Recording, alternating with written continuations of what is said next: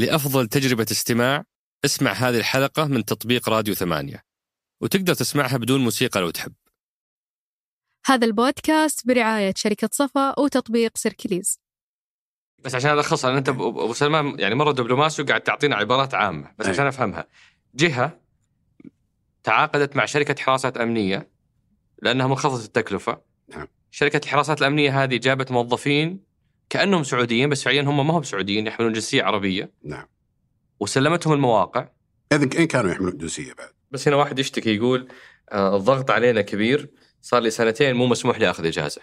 مم. فأنتوا أكيد معطينه عقد في العقد حقه إجازة بس ضاغطينه لدرجة إنه ما يقدر يأخذ إجازة. إيه. آه فكيف تعلق على هذه؟ هو ال- اللي حاصل أصلا الضغط اللي حاصل من الاداره التنفيذيه الآن إنهم يطلعون إجازة. عجيب. أنتم الوحيدين اللي عندكم رخصة حمل سلاح موظفينكم؟ يعني أنا بعطيك أكبر دليل. إيه. أي شركة تعمل في النقل المؤتمن يجب أن تحمل سلاح. سيف أو غير سيف. غير النقل المؤتمن. غير النقل المؤتمن إذا اعتمدت وزارة الداخلية الموقع أنه يكون موقع حماية مسلح سيكون آه، متوفر لسيف وغير سيف. بس في سؤال صريح. لا. غيركم غيركم إيه. هل هل في أحد غيركم عنده رخصة حمل سلاح؟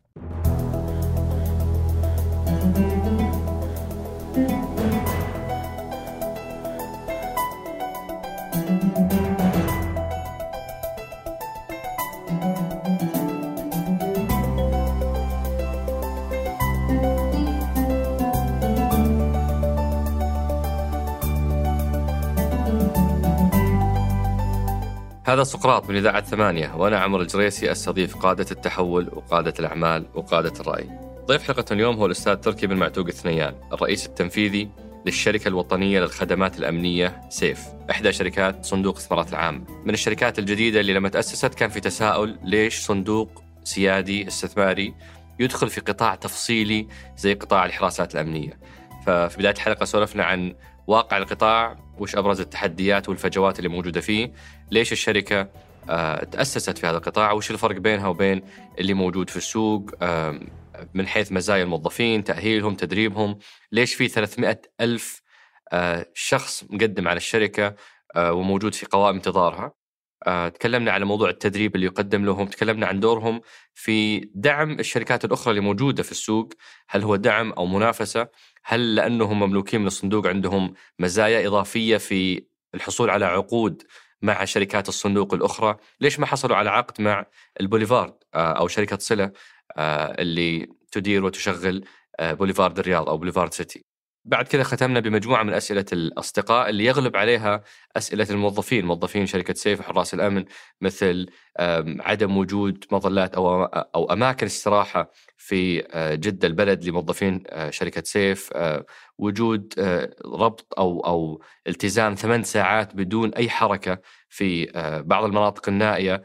ووجود حسميات أحيانا حادة وأكثر من المعتاد في موضوع الغياب. وغيرها من أسئلة الأصدقاء الثمينة.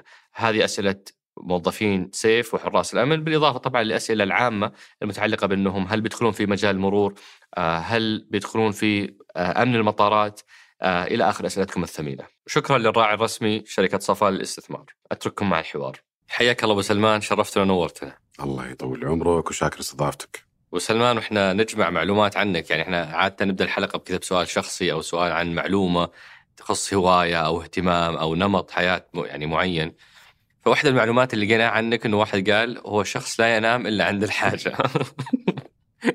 فالمعلومة غريبة أنا يعني ما أدري إحنا ننام لما نعطش مثلا كلنا ننام عند الحاجة. لا أنا أعتقد إنه هو يقصد بشكل آه، غير مباشر إني أنا ما أنام.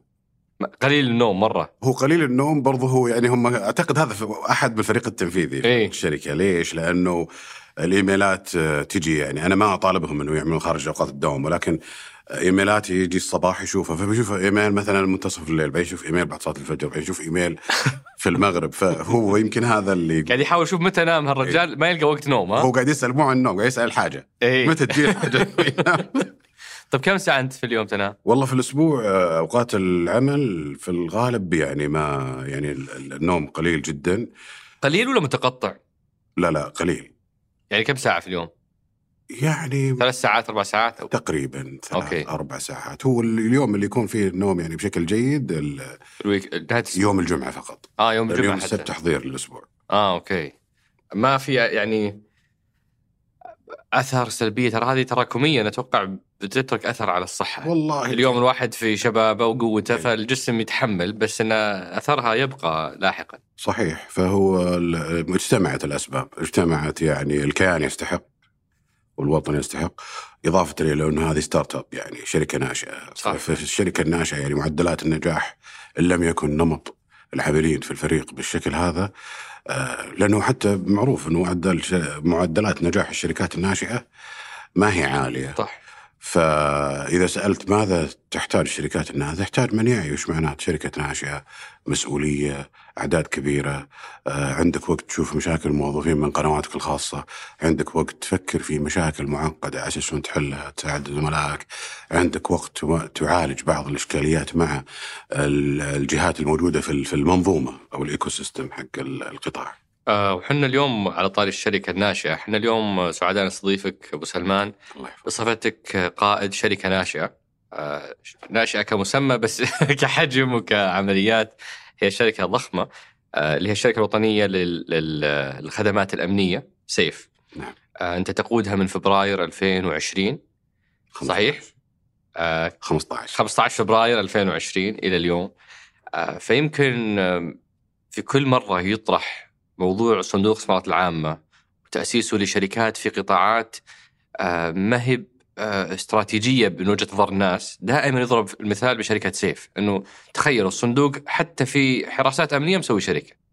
فليش الصندوق السيادي أسس شركه في قطاع الخدمات الأمنية؟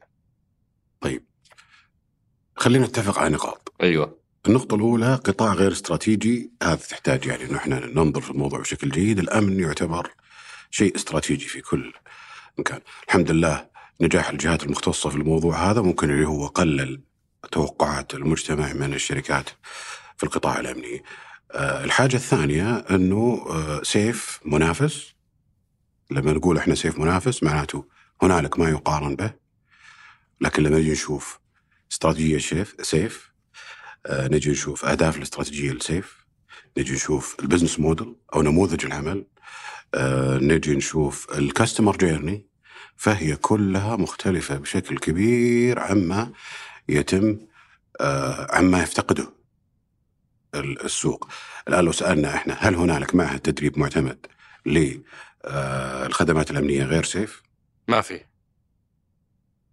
السؤال الآخر هل يوجد هنالك خدمات مراكز تحكم تقدم ك support مراكز تحكم. لمراكز تحكم متخصصة في مراكز تحكم؟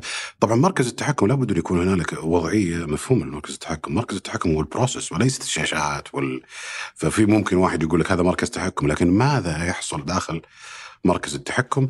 نجي بعدين على موضوع الخدمات الاستشارية. الخدمات الاستشارية أنت بيجيك عميل ما يعرف الخدمة الأمنية فأنا هذا ال customer journey حق يقول لك أنا أحتاج أمن ولا ما أحتاج أمن؟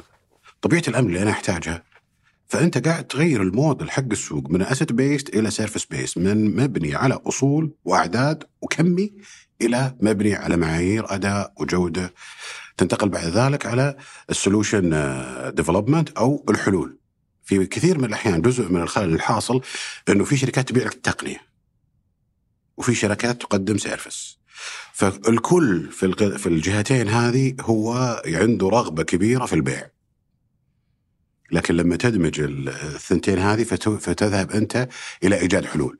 في ال sales راح تحل المشاكل حقت آه، العميل، في ال marketing راح تحل المشاكل اللي ما يدري عنها العميل موجوده عنده. فنموذج عمل بشكل كامل غير موجود، يعني نتكلم فكرة سيف ما هي وليدة اللحظة.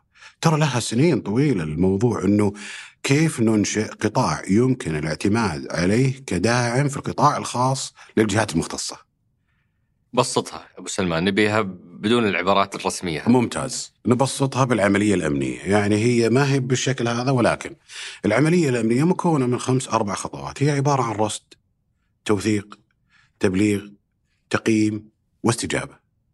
الأربع خطوات الأولى هذه القطاع الخاص يستطيع أن يحصل عليها.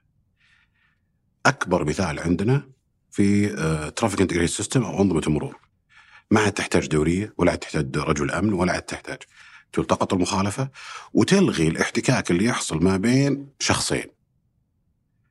هذه ال- ال- الخدمات كلها طبقها على آه، المدن الذكية، طبقها على المواقف الذكية، طبقها على ال access control، طبقها على المطارات، كل القطاعات هذه يستطيع. نتكلم عن المطارات هناك أكثر من 173 مطار في أوروبا في القطاع الخاص. ما يقوم فيه القطاع آه، ال- العام أو الجهات المختصة هي الاستجابة. اللي هي آخر يعني يا سلام. مرحلة أو آخر ف... الشنطة داخلة في الاكس راي في شيء مشبوه يتكلمون مع الجمارك أو ال- الأنتي ناركوتكس الجهة المختصة وهذا يسمونه استجابة، حتى في بعض الأحيان الاستجابة يتدخل فيها القطاع الخاص ب oversight معين يسمونه ال protocol of communication أو بروتوكولات التواصل، لما تصير القضية كلاس حقها بالشكل هذا توجه otherwise نعم. إحنا للأسف عندنا ال- ال- الفقرة الأخيرة اللي هي الاستجابة اللي بس مفروضة من الجهات أو منتظرة من الجهات الرسميه توسعت وصرنا نشوف الجهات الرسمية السيادية اللي دورها مهم ومقدر قاعدة تشغل بأدوار أحيانا ما هي مفهومة ليش جهاز عسكري سيادي قاعد يحرس compound ولا ولا يحمي. compound يمكن هذا جزء من عدم وجود لاعبين متمكنين في القطاع الخاص صحيح. يقوم بهذا الدور. صحيح. وأنا أرجع وأقول لك هو علامة نجاح. ليش؟ لأنه التحول كان سريع جدا مما أدى إنه لازم إنه القطاع هذا catch up ويلتحق بالتحول. فهو علامة تطور إنه في تطور سريع حاصل مما أدى الاستعانة بالجهات المختصة تؤدي عمل غير العمل اللي هي مؤهلة له لأنه ما في فرصة للإنشاء. وخلال الوقت هذا ترى وضع في الاعتبار إنه لابد انه يكون هناك لاعب رئيسي في السوق. من بداية الفكرة إلين عام 2019 ترى.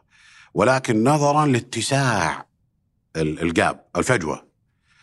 أصبح لابد من ما دام نسولف عن الفكرة أنا بقتبس كلام لمعالي ياسر ميان لما كان ضيفنا في سقراط.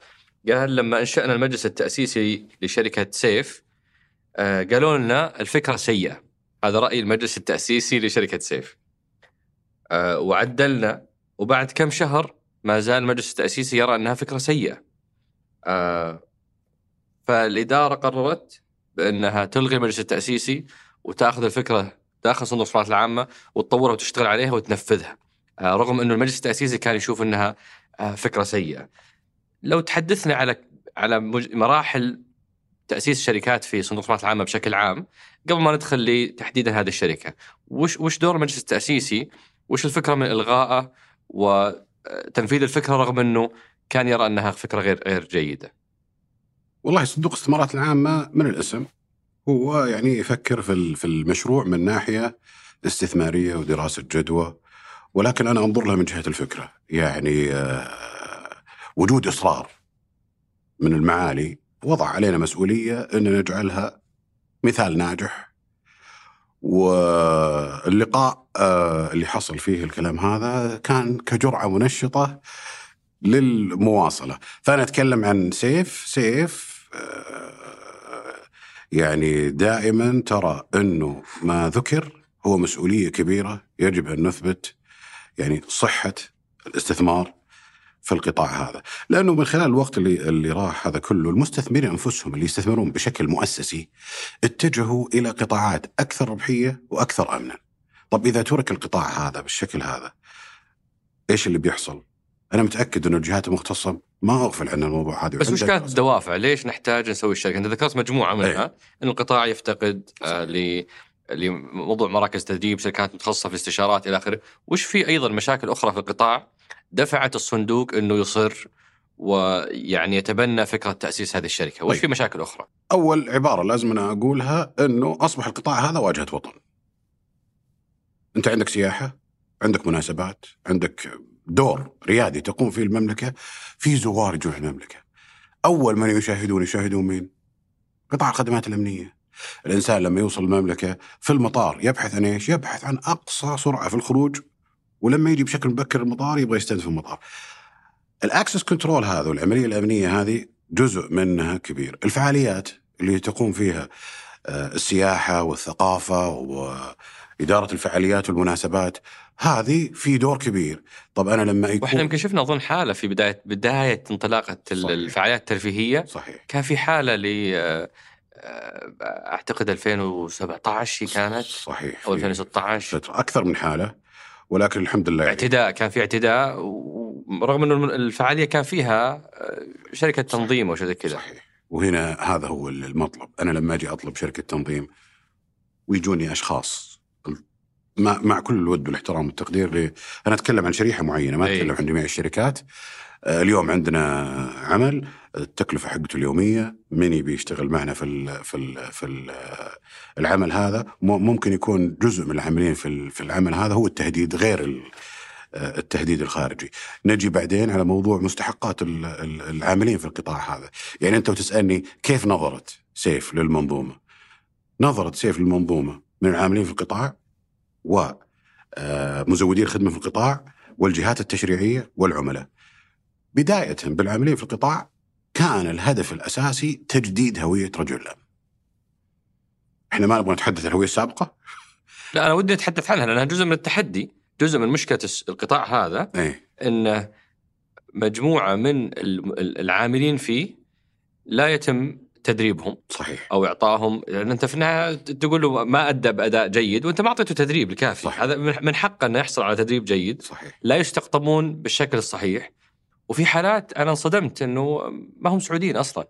وإن كان مظهره سعودي بس ما هم سعوديين وانت الظاهر عندك قصة انكم أنتم مسكتوا حراس الأمن اللي كانوا يعني في الموقع أنا ما أدري وين قاعد تجيب المعلومات أنا ودي أسمع القصة هذه لأن فعلا طبعا لا تعبر عن كل اللي في السوق إي إي. في ناس ونعم وفي شركات ونعم إيه. بس أقصد في حالات تم فيها اختراق ال- ال- المهنة هذه اللي هي مهنة حساسة وعملوا فيها ناس آه، ما هم سعوديين هو يعني نرجع للسؤال عندما يكون هدفك ربحي بحت في العمل هذا هذه النتيجه عطنا السالفة هذه. وش قصة هال- الموظفين؟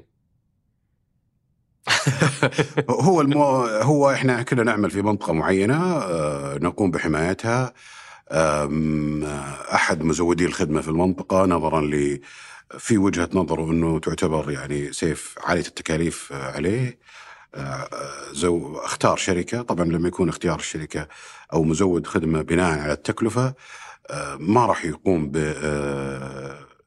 يسمونه ال due diligence وانتفاء الجهالة في الفحص النافي الجهاله أيوه الفحص النافي للجهالة. هنالك متطلبات وضعتها الجهات المختصة يجب الالتزام فيها. تم تزويد بالختمه الجهات المختصة من وقت إلى آخر تقوم بمعاينة المواقع. في الفترة هذيك آه، كان يعني هنالك حاجة لمعاينة بعض المواقع. كان ال- الخارجين من الموقع آه، موظفين ال- شركة الحراسات الأمنية هذه أيوه. كانت موظفة ناس. نعم. واتضح إنهم ما هم سعوديين. ما هم سعوديين وبرضو يعني غير ال- يعني وعندهم سوابق وعندهم مشاكل. يعني فيعني كان جزء من سيف فأول ما نهجم الموقع هم وجزء من مساندة السيف كانت مساندة الجهات المختصة للقبض عليه وهذول طبعا كانوا مسجلين وكأنهم سعوديين. ما في تسجيل. ما في تسجيل. ما في. هو بالنسبة له ال- الطالب مزود الخدمة إيه، يشوف الأفراد. ويدفع للشركة. بس عشان ألخصها أنت ابو سلمان يعني مرة دبلوماسي وقاعد تعطينا عبارات عامة بس أي. عشان أفهمها. جهة تعاقدت مع شركة حراسات أمنية لأنها منخفضة التكلفة. نعم. شركة الحراسات الأمنية هذه جابت موظفين كأنهم سعوديين بس فعليا هم ما هم سعوديين يحملون جنسية عربية. نعم. وسلمتهم المواقع. اذا إن كانوا يحملون جنسية بعد. إن كانوا. وجو للموقع. يعني ممكن يكونوا متخلفين أو أو أو متسللين يعني أو عابرين الحدود ممكن. جيتوا أنتم ومسكتوا حراس الأمن هذول لأنهم كانوا بيحاشون الموقع. إحنا ما مسكناهم كان في دور للجهات المختصة في المنطقة وكان خروجهم ملفت. فاللي كنا نبي نحرسهم طلعوا هم اللي كانوا. يقدمون الخدمة ذيك كانوا مم. يعني ما هم. فهذا مجرد مثال على كيف انه القطاع وهذا طبعا ليس لا يعمم لا ولكنه تعمم نهائيا. لكن هذه النماذج موجودة في عملية الاستقطاب هذه مشكلة. مشكلة ثانية ذكرها حتى معالي الرميان في الحلقة موضوع ال- ال- الرواتب. نعم يعني موظفين ال- ال- الحراسات الأمنية متعارف عليه إنه رواتبهم جدا جدا متدنية صحيح. آه هذا ان حصلوا عليها فلو تحدثنا عن هذه المشكلة برضو أوه. يبدو لي تحضير جدا رائع للحلقة هذا ان حصلوا إيه، عليه. هذه تدلل على إنه مخمخين إحنا يعني أنا خلني أقول لك لما يجيك شخص يبحث عن وظيفة متدنيه انت تتكلم عن مكتب لتأجير السيارات مثلا يعطي راتب معين وش يخلي الإنسان يترك المكتب هذا ويعمل في ظروف جوية صعبة و- ومواجهة جمهور براتب يعتبر نصف هذا الراتب أو ربعه ليش؟ أنه يعني ما قدر بمؤهلاته أنه يأخذ ال ال ال الوظيفة هذه. طيب أول شيء عملته سيف اكتساب ولاء الموظف للمهنة هذه. فأنت تعطي الموظف راتب مناسب، بيئة مناسبة، إدارة مناسبة سيصبح, سيصبح جاذب. أول نجاح الحمد لله وفقنا الله فيه أنه البيئه العمل أصبح جاذب. الآن المنصة عدد الموظفين يعني ما يقارب 9000 اليوم، آخر احصائيه 8500 بس على آخر تحديث أمس في المشاريع ممكن نوصل 9000 وقت الحلقة. 9000 موظف سيف. يعملون في سيف. نعم. على مستوى 38 محافظة ثلاث دول آه، تعمل فيها. فال ال استقطاب موظفين 8500 إلى 9000 تتكلم في الجهة المقابلة. الوظيفة هذه كانت مرفوضة. الآن عندنا في المنصة أكثر من 300 ألف متقدم. كم؟ 300 ألف متقدم. 300 ألف متقدم. على قوائم وظيفة انتظار. ترجمة. نعم. امم طبعا إيش؟ آه راتب مناسب. حقوق كم رواتب عندكم؟ يعني مجازفة بقول لك 5500 بس الراتب أنا اللي أعرفه 6000 أقل حد أدنى للموظف في السوق هذه المهنة عادة كم يعطون؟ أنا أتذكر 2500 إلى 3000 صح؟ صحيح هذا اللي عادة في السوق آه، صحيح. لهالمهن يعني هو يعتمد برضو يعني على العميل لأنه بدأ العميل يتنبه بعد ما دخلت سيف السوق شاف الموضوع فلقى أنه لو العميل هو بادر وحط حد أدنى للرواتب فصار يضع في العقد هو حد أدنى الرواتب، فهذا جزء من اضافات اللي اضافته سيف لأنه لما الناس بدأت تشوف الخدمة مختلفة ما بين سيف والآخرين بدا يسألون، فيعني أنا أعتقد إنه حتى الموضوع هذا هذه حقوق الموظفين يعني ما المفروض إنك إحنا ما زلنا بس نبي نحصر تحديات القطاع قبل ما ندخل ل... ل... ل... وش الشيء اللي أنتم قدمتوه؟ واحدة من التحديات اللي برضو سولفنا عنها أنا وياك وسلمان هي موضوع المسؤولية، أنت كنت تتكلم على إنه آه، الشركات ال- أغلب الشركات اللي موجودة في القطاع اليوم القدرة على تحميلها المسؤولية آه، تكاد تكون معدومة، صحيح. لو توضح لنا هذا الموضوع. يعني هي بشكل تجاري أنت عندك مؤسسة وعندك شركة وعندك freelancer وكل هذه مسؤولياتها محدودة لكن لما تجيك شركة تستطيع أن تحيل ال liability المسؤولية كلها عليها في أسوأ الاحتمالات إذا صارت أنت ماسك يعني مناسبة جدا كبيرة أو منطقة جدا كبيرة وحصل خلل أمني آه، ال liability حقته عالية ولكن إلى أي مدى بتنتقل؟ إلى مدى أن الشركة تكفر. إحنا إحنا كل يوم بتجينا تساؤلات من جهات مختصة ومن سلطات عليا. ليش؟ لأنه ال liability موجودة. الكيان هذا قائم وسيستمر ويجب أن سامحني يكون. ما ما وصلت لي، ممكن توضحها أكثر، وش المشكلة في الشركات الحالية وكيف أنتم عالجتوها؟ الشركات الحالية ما يوجد فيها مشكلة. بعض الشركات أي. اللي يوجد فيها مشكلة إنه الآن مثلا لنفترض كان هنالك ما تم فقده يقدر ب 500 ألف. جاء العميل يطالب بحقه. العميل اللي هو صاحب المنشأة مستعين بشركة حراسات أيوة. فقد 500 ألف صحيح. يبي ياخذ حقه. أكيد إنه بيلجأ للجهات المختصة. في في حدود لل- للمسؤوليه محدودة. ممكن المسؤوليه المحدوده هذه ما تتجاوز. فيعني صار في خسارة للعميل راعي الحراسات الأمنية يقفل الشركة ويقول ابد ما, لكم ممكن يكون الموضوع هذا أوكي. يعني جزء بسيط لكن في موضوع زي سيف يعني ما أعتقد إنه يعني آه، في يوم من الأيام إحنا بالعكس إحنا في تمر بعض شركائنا وعملائنا يمرون بمناسبات ويمرون في تحديات وإحنا نطرح موارد إضافية على الموقع بناء على رؤيتنا دون الرجوع له.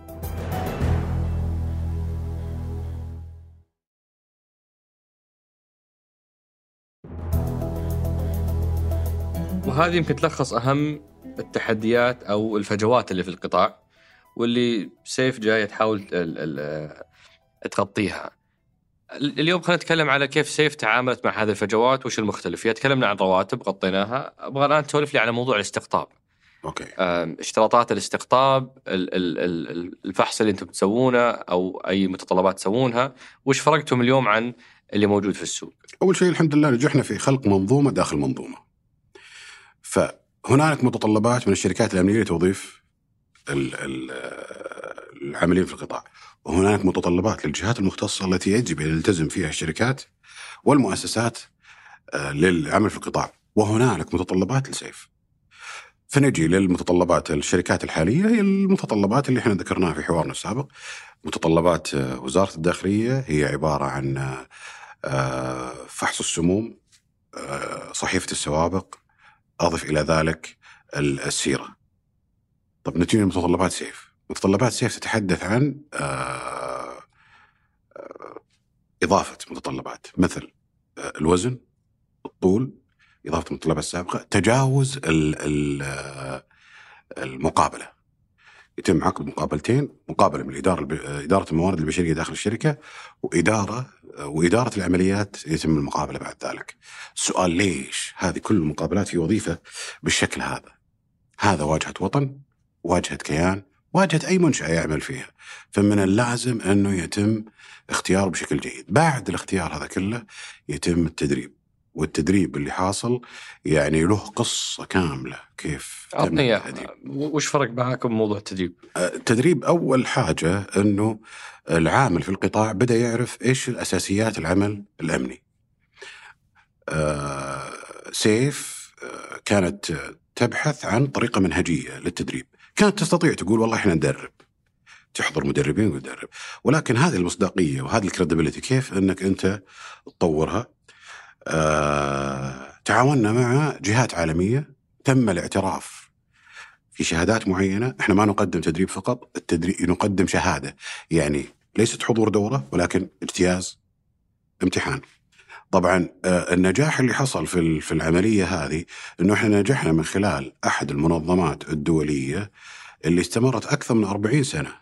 تقدم التدريب باللغة الإنجليزية نجحنا في أن نحن نضمن عدد متدربين معين على أن يتم تحويل المنهج باللغة العربية ويتم الاختبار باللغة العربية. هذا هذا التدريب كل الموظفين يمرون عليه في البداية؟ هذا التدريب يمر على كل الموظفين، إحنا طبعا أنشأنا برضه curriculum على أساس يعني نقلل من الصعوبات، فال national protection officer هذا كورس آه، اعتمدناه. هذا الكورس الجميل فيه إنه يعتبر أهم من الكورس الأساسي، ليش؟ لأنه فيها نظرنا للتشريعات، نظرنا لتميز ما يميز الكلتشر الثقافة عندنا، نظرنا إلى الاحتياجات المتطلبة، وبعد كذا تم تطوير المنهج وتم اعتماده إضافة إلى ما تم تعريبه، طب نجاح التعريب هذا ليس للمملكة العربية السعودية وليس للخليج، الوطن العربي كله الآن يستطيع الآن طبعا هي اللغة الوحيدة إذا ما خانني آه إذا ما خانتني الذاكرة إذا كان هنالك إسبانية ولكن أعتقد هي اللغة الوحيدة آه في ال international foundation protection officers اللي تم تحويله. فهذا عمل بس اليوم موظف كم يأخذ من دورة عندكم؟ الموظف أول ما يتوظف إضافة إلى المقابلات يأخذ دورة في حدود أسبوع إلى أسبوعين بعد كذا يأخذ دورة ثانية on job training اللي هي لأنه كل بيئة عمل مختلفة. فيروح للميدان المشرف يشرح له إنه هذا أداء عملك هذا كذا كذا كذا. بعد كذا يبدأ المشرف يتابع الأعمال حقته. عمر الشركة آه، يعني ما هو طويل. الآن انتقلنا إلى مرحلة أخرى. من الشباب هذولا؟ تم تعيين آه، تم استقطاب عدد معين من الكوادر الأمنية للمراحل الإشرافية. okay؟ بعد كذا في مسار آخر مسار التخصص لأنه شركة سيف مستهدفة. أساس هذا الموضوع لما ضروري ان إحنا نقوله. آه، أنت عندك في في السوق أكثر من 25 قطاع. أمني. سيف تستهدف كل القطاعات ولكن تركيزها في ست قطاعات. قطاع النقل والطيران قطاع الخدمات البنكية قطاع آه، المنشآت الحيوية قطاع المنشآت الصناعية قطاع حماية الشخصيات و المناسبات والقطاع الحكومي. طبعا إحنا نعرج الآن على الاهداف الاستراتيجية. إحنا في البداية قلنا أهدافنا بس ما سألنا وش كيف يختلف الموضوع. فإحنا في, في كاستراتيجية الاستراتيجيات كلها ترى تنحصر ما بين ثلاث استراتيجيات. يا نمو يا تميز يا تكلفة. فما كان فيه يعني مزود خدمة في السوق يبحث على التميز في الخدمة. كان أكثرهم يعني التكلفة. آه، حتى العملاء ثلاث أنواع. عميل التكلفة وعميل ال ال ال يبحث عن دعم وعميل يبحث عن جودة. وهناك اختلاف. التكلفة يقول لك والله أنا مطالب مني ولا أنا ما أرى أنه في ادد فاليو آه الدعم يقول لك إذا حصلت مشكلة أحتاج إدارة بس ما أحتاج الجودة يقول لك خذ القطاع هذا من داخل المنشأة أنت اهتم فيه. okay؟ فهذا كاستراتيجية آه لدى سيف وهذا كان نحتاج يكون في بديل. انتقلنا بعدين على وش الأهداف الاستراتيجية. أول هدف الارتقاء بقطاع الخدمات الأمنية في المنطقة. ثاني هدف تعزيز التكامل ما بين عناصر العملية الأمنية وإحنا نسميها 3 Ps product people and processes اللي هي العنصر البشري والعنصر التقني والعنصر آه الإجرائي. فكل ال ال الشركات اللي موجودة يعني تعمل بشكل منفصل. فهذا أثر على آه رحلة العميل. يعني ما كان يقدر يجي عميل يقول كم أحتاج لرجل أمن من شركة استشارية لازم يروح لشركة استشارية أو يروح للشركة الأمنية والشركة الأمنية طبعا تقول لك العدد هذا على حسب لا الان العميل يستطيع إنه يجي يقول لك ترى أنا بطرح مناقصة إيش المتطلبات؟ يجي يقول وش الأفضل؟ يجي يقول هل المفروض إني أعتمد على العنصر البشري ولا هناك تقنيات تمكنني إني أقوم بالشكل هذا؟ يجي يقول طب هل ممكن إني أستفيد من التقنيات هذه في أمور أخرى؟ إدارة أسطول آه، عد إدارة حشود مع إنه نفس التقنيات هذه تقنيات امنيه فهذا تعزيز التكامل. الجزء الثالث في الاستراتيجية الهدف الاستراتيجي هو دعم المبادرات الأمنية لخصخصة الخدمات الأمنية. وهذا إحنا تحدثنا عنه في بداية الحديث إنه هنالك رغبة إنه الاستثمار في الاستجابة في القطاعات الأمنية يعتبر مكلف لأنه في تدريب على السلاح وفي تدريب على الاشتباك ولكن يجب أن يتناسب الاستثمار مع الحاجة. فإذا أعطينا كل جهة تركيز على الكور بزنس أو الخدمة الأساسية عندها آه بعد كذا راح يكون في جودة. حقدر أركز أنا في خدمتي الأمنية على جانب انه يكون safe welcoming entity يعني أنا أكون بيئة آمنة ومرحبة بس ما أكون عندي الاستعداد اللي ممكن يكون ملفت إنه في إشكالية. بعد كذا تأثر ال business model عندنا 3 business lines أو four business line consultation and advisory وهذا اللي دائما ننصح هل نقدر نقولها بالعربي؟ آه المعذرة اللي هي إدارة الاستشارات الأمنية وإدارة مراكز التحكم وإدارة التدريب والتطوير وإدارة الحلول. أوكي؟ بعد ما عملنا بالشكل هذا لقينا إنه إحنا عندنا تكامل مع مكافحة الحرائق والسلامة وإدارة المرافق.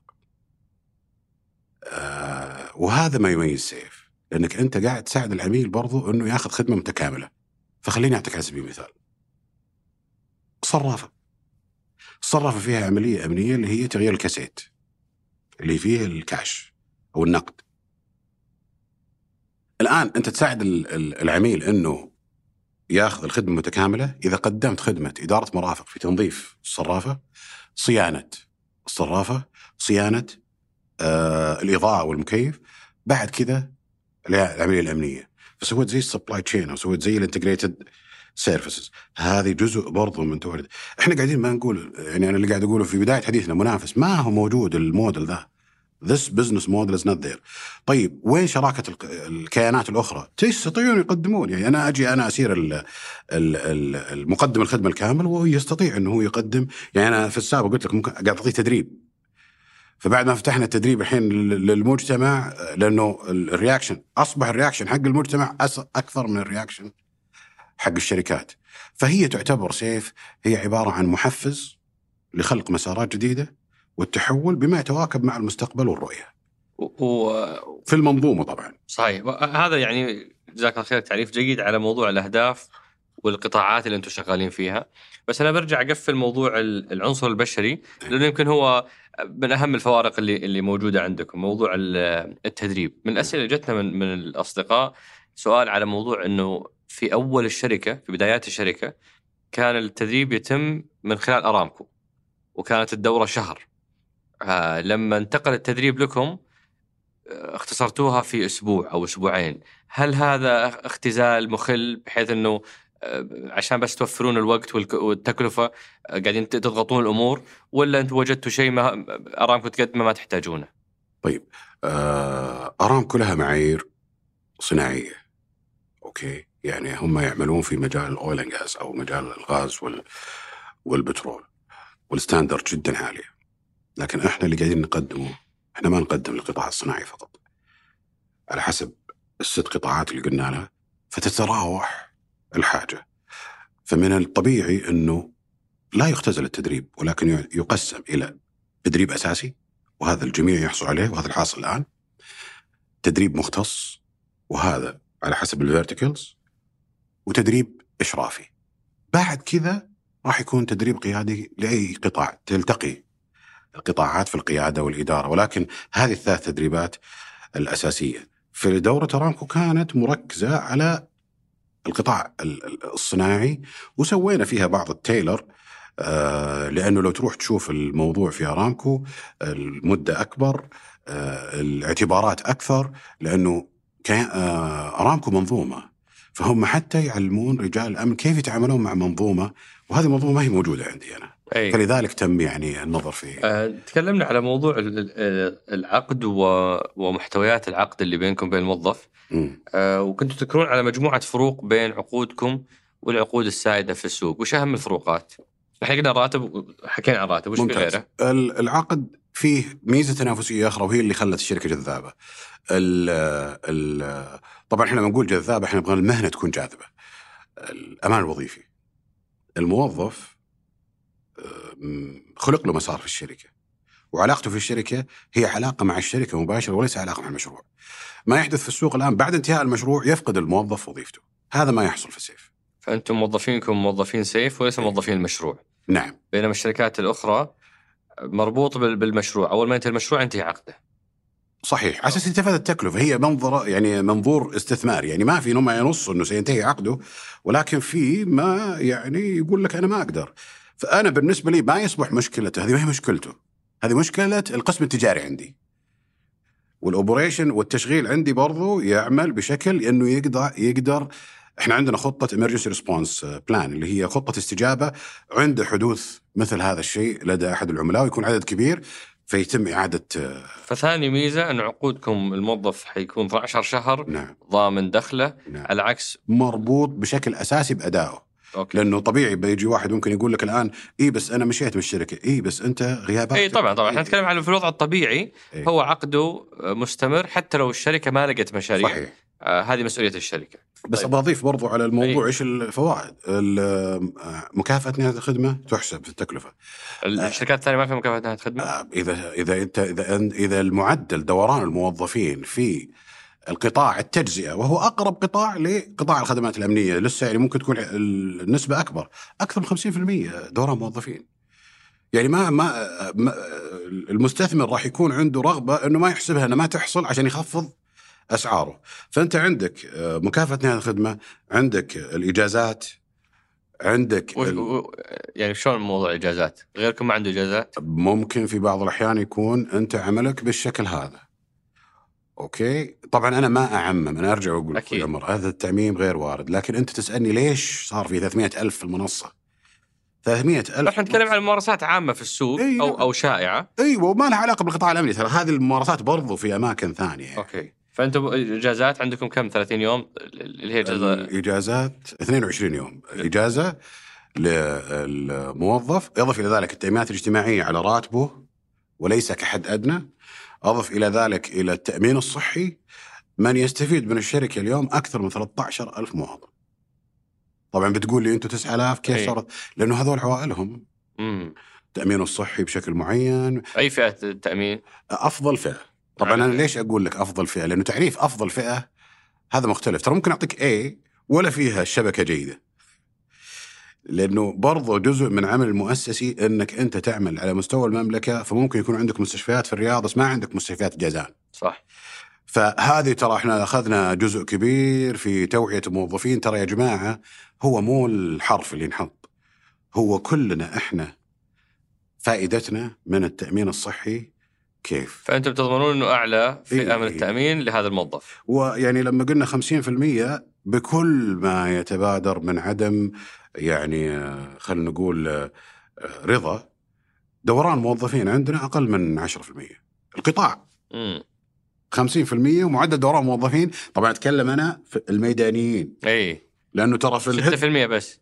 آه ولا كم؟ انت شكلك أنا قلت أقل من 10% كيف قلت 6%؟ لأنه هنا واحد مرسل لي يقول ترى الدوران الوظيفي عندهم 60% لا لا. فقلت يمكن مزود صفر لا لا لا هو أقل من 10% أقل من 10% أقل من 10% في الميدانيين؟ إي. أقل من 10% okay. في ال headquarter أنا ممكن أقول لك النسبة مرتفعة أكثر من الأعمال الميدانية. طبعا لأنه إحنا مطالبين في ال headquarter أو الإدارة الرئيسية بإرضاء زملائنا في الميدان. يعني هذه كلها تخص عملية ومزايا الموظفين. أو التحسين اللي سويتوه في ظروف العمل. آه، يعني في مجموعة أسئلة لل- لل- للأشخاص اللي يعملون في سيف بس بخلي آخر الحلقة لأن الآن بكمل معاكم التحول اللي قاعدين تسوونه، فهذا التحول اللي صار في مزايا وحوافز وآلية استقطاب الموظفين. وش في تحول آخر صار من خلال الخدمات أو البرامج اللي أنتم تقدمونها لعملائكم وللسوق؟ ممتاز. آه، هذا على مستوى الموظف. على مستوى آه، زملائنا مقدمي الخدمة. تم عرض عليهم آه، نظام اشتراك في مراكز التحكم. بدل أن ينشئ مركز تحكم يكون مطلوب من آه، زملائكم تقصد الشركات الأخرى الشركات اللي في السوق. مزودين وش قدمتوا لهم؟ إحنا الآن عندنا جزء من الخدمة اللي نقدمها اللي يسمونها ال alarm management system. يعني أنت ما يحتاج تحط آه، موظف أمن. انت عندك تربط الأنظمة اللي عندك بمركز التحكم بمجرد ما يصيح أو بمجرد ما يضرب ال- ال- ال alarm عندك يباشر الدورية آه، الأمنية عملها و check على الموقع. آه، هذه وهذه بمقابل مادي؟ هذه بمقابل ويعتبر مقابل subscription يعني اشتراك. يعني أنت لك أن تتخيل بناء مركز تحكم باشتراك حسب الحاجة. هذه حلوة والله. فأنا كشركة حراسات أمنية في القطاع إيه. مو مط... يعني ماني مضطر أبني مركز تحكم. أقدر أشترك في مركزكم و آه، يعني اشتراك بمبلغ مقطوع أو شهري نعم. ومبلغ إضافي على الحالات اللي, اللي تحدث. خليني أقول لك كيف تغير النموذج. أيوه. كان B2B الآن. هذا خلقنا B2C. أصبح العميل ما يذهب لشركة أمنية. يقول لك أنا أبغى الخدمة منك دي بشكل مباشر. نسأل عمر في المستقبل. بكرة أنا عندي بيت. أقدر أحصل على الخدمة هذه؟ نعم. أنا تنزل لك الكاميرات تنزل لك وإذا صار عندي alarm اي تريت الالارم وأقول لك ترى طلع فوت الارم وش السبب؟ انتشار. فاليوم هذه الخدمة صارت حتى للأفراد. موجودة الافراد انطلبت. فهذا إضافة أنتم سويتوها في القطاع بموضوع الربط معاهم نعم. آه وش في كذلك؟ آه عندك برضو التدريب تكلمنا عليه بشكل كافي في البداية. إحنا كانت ال... اليوم أنتم تدربون حتى للغير. إي بس هو هنا وين الموضوع اللي نبغى نذكره؟ في ذلك اللقاء المعالي تفضلوا وقال إنه إحنا عرضنا تدريب على الشركات. طبعا أنا تفاجأت بمعرفه التفاصيل هذه عن الشركة الله يعطي القوة والعافية. آه بعد كذا إحنا بعد ما تكلمنا عن الموضوع هذا حصل قصة عززت من الموضوع التدريب. أنا بحكم إنه عندي أبناء فابني الصغير دائما أروح معاه المناسبات لأنه ما يقدر يروح لوحده. ففي أحد المناسبات دخلت المناسبة لقيت موظفين سيف وأنا أعرف إنه المناسبة هذه ما لها ما إحنا مغطينها. فأنا سلمت على الشباب وقلت له إحنا مغطين المنطقة هذا. قال لا. بس شوف الوعي اللي حصل. أول وعي حصل قال لك بس ترى سيف إحنا محافظين على ال brand حقته. إحنا جايين هنا بصفة أخرى بصفة شخصية ما لها علاقة آه فأنت شفت موظفين حراس أمن سيف أي. موجودين في فعالية ما لكم علاقة فيها. أيوه. جايين بصفتهم الشخصية. بصفتهم الشخصية ومعناته ما- وبزي مو مو زي سيف. صحيح ممتاز. فهذه خدمة ثانية قدمناها القطاع أصبح القطاع يستغل العقود الجديدة من وزارة الشؤون الاجتماعية والموارد البشرية في العقود المرنة العقود الدوام الجزئي فأصبح الموظفين حقنا. دخل إضافي لهم. هو دخل إضافي لهم وبرضو أنه أصبح شركائنا في القطاع إذا كان هو موظف سيف يقدر ياخذه لأنه كان فحص السموم وصحيفة السوابق وعنده خطة مضمون إنه غطى كل المتطلبات. فصرنا زي المنصة بعدم وجود منصة مع أن المنصة التقنية موجودة. فكان الحوار بعد كذا مع الزملاء نفسهم. أنا ترى أتكلم مع الزملاء في الميدان وهم عزيزين جدا على قلبي لأنهم هم الواجهة الحقيقية للشركة. فجاءت من بعدها الفكرة قالوا ما ترى زملائنا يبون يتدربون حتى اللي بهم من غير وظيفة في الشركة. فأخذت الفكرة وكان في الاجتماع الأسبوعي وتكلمنا مع الزملاء يا شباب إحنا نبغى ناخذ قرار اللي يبغى يتدرب في المجتمع يستطيع أن يتدرب في سيف. فكان هنالك مقاومة شرسة من الزملاء مو على أساس هو من ردة الفعل. قالوا يا أبو سلمان إذا إحنا تدربوا الزملاء في القطاع عندنا ما نبغى يصير عندهم آه انطباع إنه إحنا ملزمين بالتوظيف. قلت إحنا الرسالة اللي وصلتنا انه هنالك ناس في القطاع يحتاجون يتدربون. من واجبنا واحد أسبابنا ان إحنا موجودين في القطاع هذا إنه نلبي رغباتهم. والعاملين في القطاع جزء من ال والحل بسيط. يوقع الموظف المتدرب قبل لا يأخذ الدورة إنه إقرار بإني أنا آه أعلم إنه هذه غير منتهية بالتوظيف وتمت العملية والحمد لله الأرقام الآن تدلل على إنه القطاع واعد وعنده رغبة إنه كم عدد اللي تدربوا ما استفادوا؟ 4000 آه، هذول خارج الشركة. 4000 من خارج الشركة؟ 4000 خارج الشركة. تدربوا بم- بمقابل دفعوا من من جيبهم فلوس عشان يحصلوا على الدور التدريبية. يوجد إنه عنده رغبة. أوكي. هنالك من يعمل في القطاع يود أن يتعلم. أضف إلى ذلك إنه إحنا يعني ما يعني كانت الهدف مادي. لأن هو لما ياخذ ال- ال- الموظف الشهادة هذه المعتمدة عالميا يستطيع أن يعمل في سيف وغير سيف في السعودية خارج السعودية يستطيع رجل الأمن وموظفة الأمن على الأقل تضع شيء في السي في أو في السيرة الذاتية.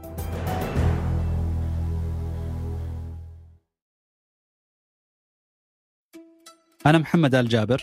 وأنا هادي فقيهي. وهذا جديد ثمانية بودكاست جادي. كل أسبوع بنجلس نتناقش حول مواضيع اقتصادية واجتماعية ونتناولها من زوايا مختلفة. ونعرض فيها سياق جديد للأحداث والظواهر الاجتماعية. اشترك في بودكاست جادي من خلال الرابط في وصف الحلقة. الادخار أشكال وألوان وتطبيق سيركليز عنده الضمان. انضم لجمعيات مالية آمنة وموثوقة واختار الدور اللي يناسبك. اعرف أكثر من الرابط في وصف الحلقة. الجماليات المعمارية مهمة. بس جودة البناء أهم وحداثة التصاميم مهمة لكن الخدمات والمرافق أهم. المهم والأهم مضمون. تملك المستقبل مع وحدات شركة صفاء للاستثمار. أعرف أكثر من الرابط في وصف الحلقة.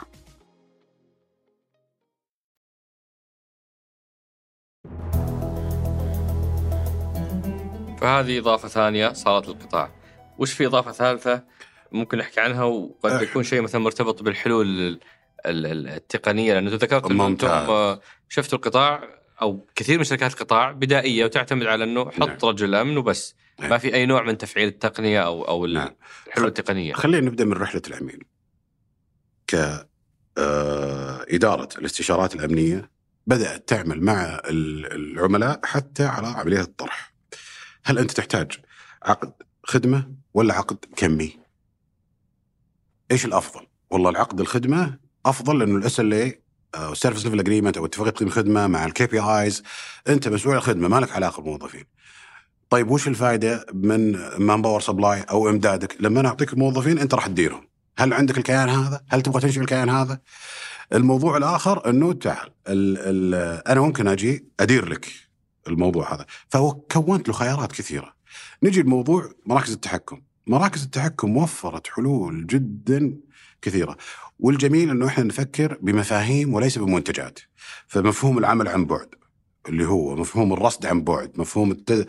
التقييم عن بعد. وعندك مفهوم الخدمات الميدانية وعندك مفهوم الخدمات الذاتية وعندك مفهوم الخدمات المؤتمتة وعندك مفهوم الخدمات ال unmanned services هذه كلها الآن موجودة. عندك التلوث البصري الآن يوجد دورية مع أحد شركائنا متقدمين في تقنية detection دوريات أمنية الآن ترصد التلوث البصري من خلال دوريات سيف فهذه التقنية منفذة بعد النجاح اللي حققناه في الموضوع هذا أصبحت عملية ال deployment في المشاريع هذه جدا عالية. الموضوع الثاني نعمل كثير في remote areas. الآن مناطق نائية مناطق نائية. آه ال fleet هذا كله أكبر fleet طبعا أو أكبر أسطول في الشركات الأمنية تبع سيف يتابع من قبل مركز التحكم. خطوة إضافية ثانية الموظف إذا استخدم الجوال وهو يقود السيارة أو حصل له تعب أو نعس يجي عندنا الآن في ال control center.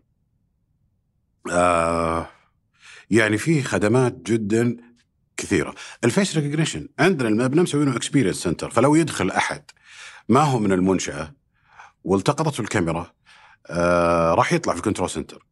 طبعا إحنا بالنسبة لنا يعني خلينا نقول experience center يعني أو مركز تقديم للخبرات.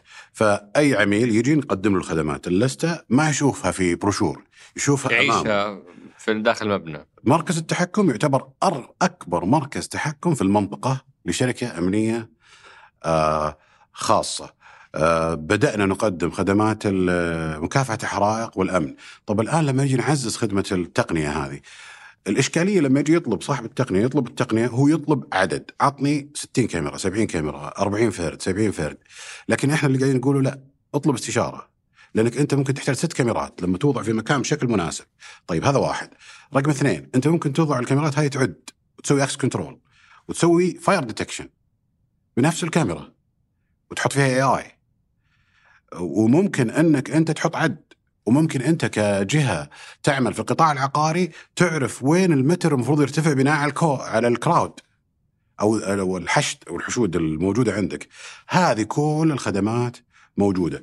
فنقلا فهذه لو بلخصها في خدمة جديدة ما كانت تقدم من أغلب شركات الحراسات الأمنية إيه. اللي هي تقديم الاستشارات ما قبل المناقصة. صحيح. يعني قبل ما العميل أو صاحب المنشأة يقول أنا ب 100 فرد وأبي 60 كاميرا. مم. أنتم تجلسون معاه إيه. وتقدمون له المشورة في العدد الأنسب و...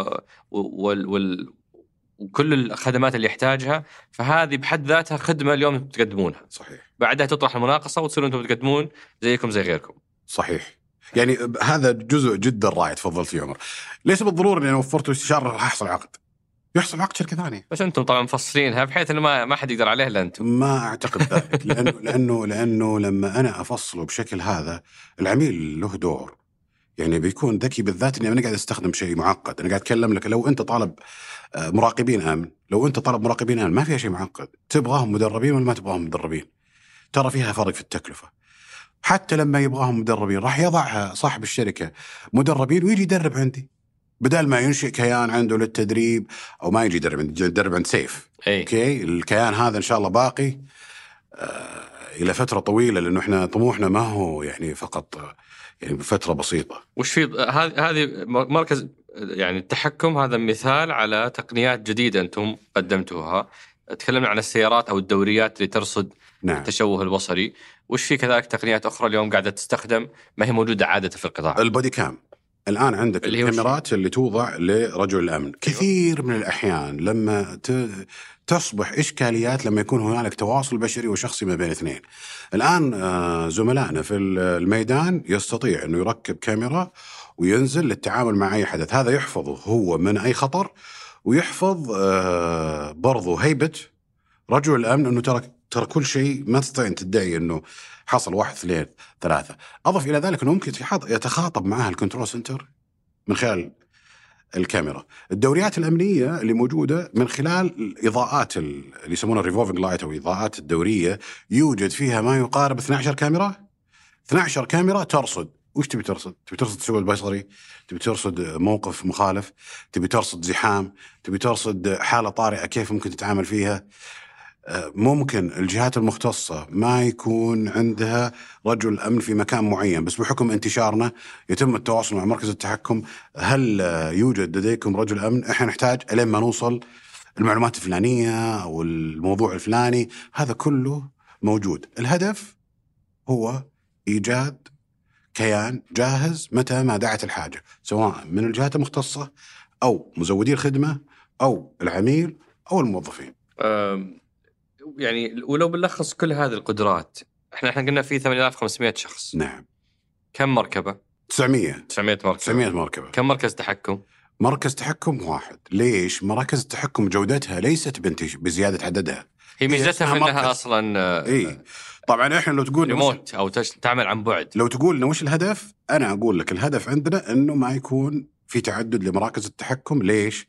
لأنه حتى المبنى لما اخترناه اخترناه بشكل كروي عشان نطبق فيه الاونيون رينج اللي هو العمليات الحرجة اليوم هنا مع التوسع تصبح عمليات أقل حرجيه مع فالهدف اسمه مركز. كم مشروع عندكم اليوم؟ أو كم عميل؟ أكثر من 40 عميل. أكثر من 40 عميل. نعم. كلهم طبعا بي اي اف كمبانيز شركات ربعكم توقعون معاهم و- وفلوسكم تدور على بعض. والله شوف أنا أتمنى. أنا أتمنى ولكن طرح جدا رائع. أنا جدا يعني سعيد إنك طرحت النقطة هذه. مشاريع الصندوق ما تمثل النسبة الأكبر. هذا رقم واحد. من 42 مشروع كم كم شركات الصندوق؟ أعتقد 40% مو أربع شركات. بس أنت لما تتكلم على في بعض الكيانات ترى حجمها جدا صغير. يعني تزيد معك في العدد آه هذه لكن لما تيجي تتكلم على أرقام ربحية ما هي عدد كبير يعني. ففقط 40% شركات الصندوق نعم فت... وال- والشركات الصندوق اللي ما ما استعانوا فيكم ليش زعلانين منكم؟ وش كانت ملاحظاتهم؟ والله شوف يعني إحنا نتكلم بشكل عام الحوكمة جدا عاليه في مشاريع الصندوق والحاصل الآن إنه من يقرر في هذه المواضيع هي إدارة العقود والمشتريات في هذه الكيانات. يعني خليني بضرب لك مثال بما أنك أنت بديت أول الحلقة مم. بأنكم تبغون تكونوا شركاء في قطاع الترفيه وال ومع ال- اللي صاير في البلد وكواجه البلد مع السياح إلى آخره. شركة شقيقة لكم اللي هي شركة صلة. نعم. هي المسؤولة عن منطقة البوليفارد، عن مشاريع الترفيه اللي في كذا موقع. مم. ما أذكر إني شفت موظفين سيف في البوليفارد في الرياض، صحيح فمو موقعين معكم هم. صحيح. ليش؟ الخدمة موجودة رأوا من منظورهم في أعمالهم إنه ما تستدعي ممكن هذا ال- ال- المستوى من الخدمة. آه، رأوا إنه ممكن يكون هناك تحزيم للخدمات بشكل مخا... م- مختلف. ولكن التعاون موجود. آه، كان في دعم سابق في أكثر من مشروع. ال... والدعم كان ملاحظ فيه إنه بعض الزونز أو بعض المناطق حساسيتها عالية فتاتي سيف في الحساسية. العاليه ل- أو المناطق الحرجة هذه. في تعاون سابق ولكن آه، كل كيان من الكيانات اللي موجودة يحق له انه يختار الخدمة بما يتناسب مع احتياجاته. وترى ممكن انه هم they address أو ممكن أنهم نظروا في الاعتبار من خلال مثلا إدارة تقنيه المعلومات أو smart city لأنه مشكله الخدمة هذه أصبحت integrated أصبحت يعني في كل آه، منظومة. يعني أنت بتتكلم عن smart city ترى في security نتكلم على ال IT ترى هي يسمونها OT operation technologies أو التقنيات الميدانية والعمل التشغيلية. أوكي فكل كيان يستطيع أن طيب يحكم طالما نسولف عن المشاريع، وش فيه؟ يعني كل الكلام السابق كلام نظري جميل، مم. أتوقع بنقدر نبسطه للناس ونربط الناس في الأثر اللي أضافته سيف للسوق من خلال أمثلة من مشاريعكم، لو تعطينا أمثلة من ال- العقود أو المشاريع أو المواقع اللي أنتم ماسكينها، وش فرق انكم أنتم موجودين مو بأي شركة ثانية في السوق؟ والله في في سلسلة فنادق آه، يعني مشهورة جدا حتى الابروفل جاء لتقديم الخدمة من الخارج فكان تجربة ال- ال- ال- الفندق يقول لك أنا أعمل مع سيف بأي تكلفة فكان السؤال ليش؟ قال في بعض الأحيان بعض الزوار أصبحوا يعرفون بعض الرجال الأمن وبعض موظفات الأمن اللي عندكم من جودة التعامل. الاستقبال، آه، الاعتذار للتعطيل لما يجي يدخل لل- للمنشأة معليش هذا فصح فحص أمني لازم إحنا نسويه. أحد الزملاء كلمني سابقا قال لي والله يا أبو سلمان أنا عندي ملاحظة. طبعا الجميل بعض الأحيان تجيك ملاحظات إيجابية فقلت له عسى ما شر وطبعا هو لأنه يعني كان آه، شخص يعني تنفيذي في أحد الكيانات. فقال يا أخي رجل الأمن اللي عندكم متعبني فقلت غريبة يعني في مشرف عام كان ممكن يتبلغ. قال لا الموضوع مختلف. قلت له إيش؟ قال أنا أطلع من المكتب وأرجع من المكتب كثير. قلت طيب من حقك؟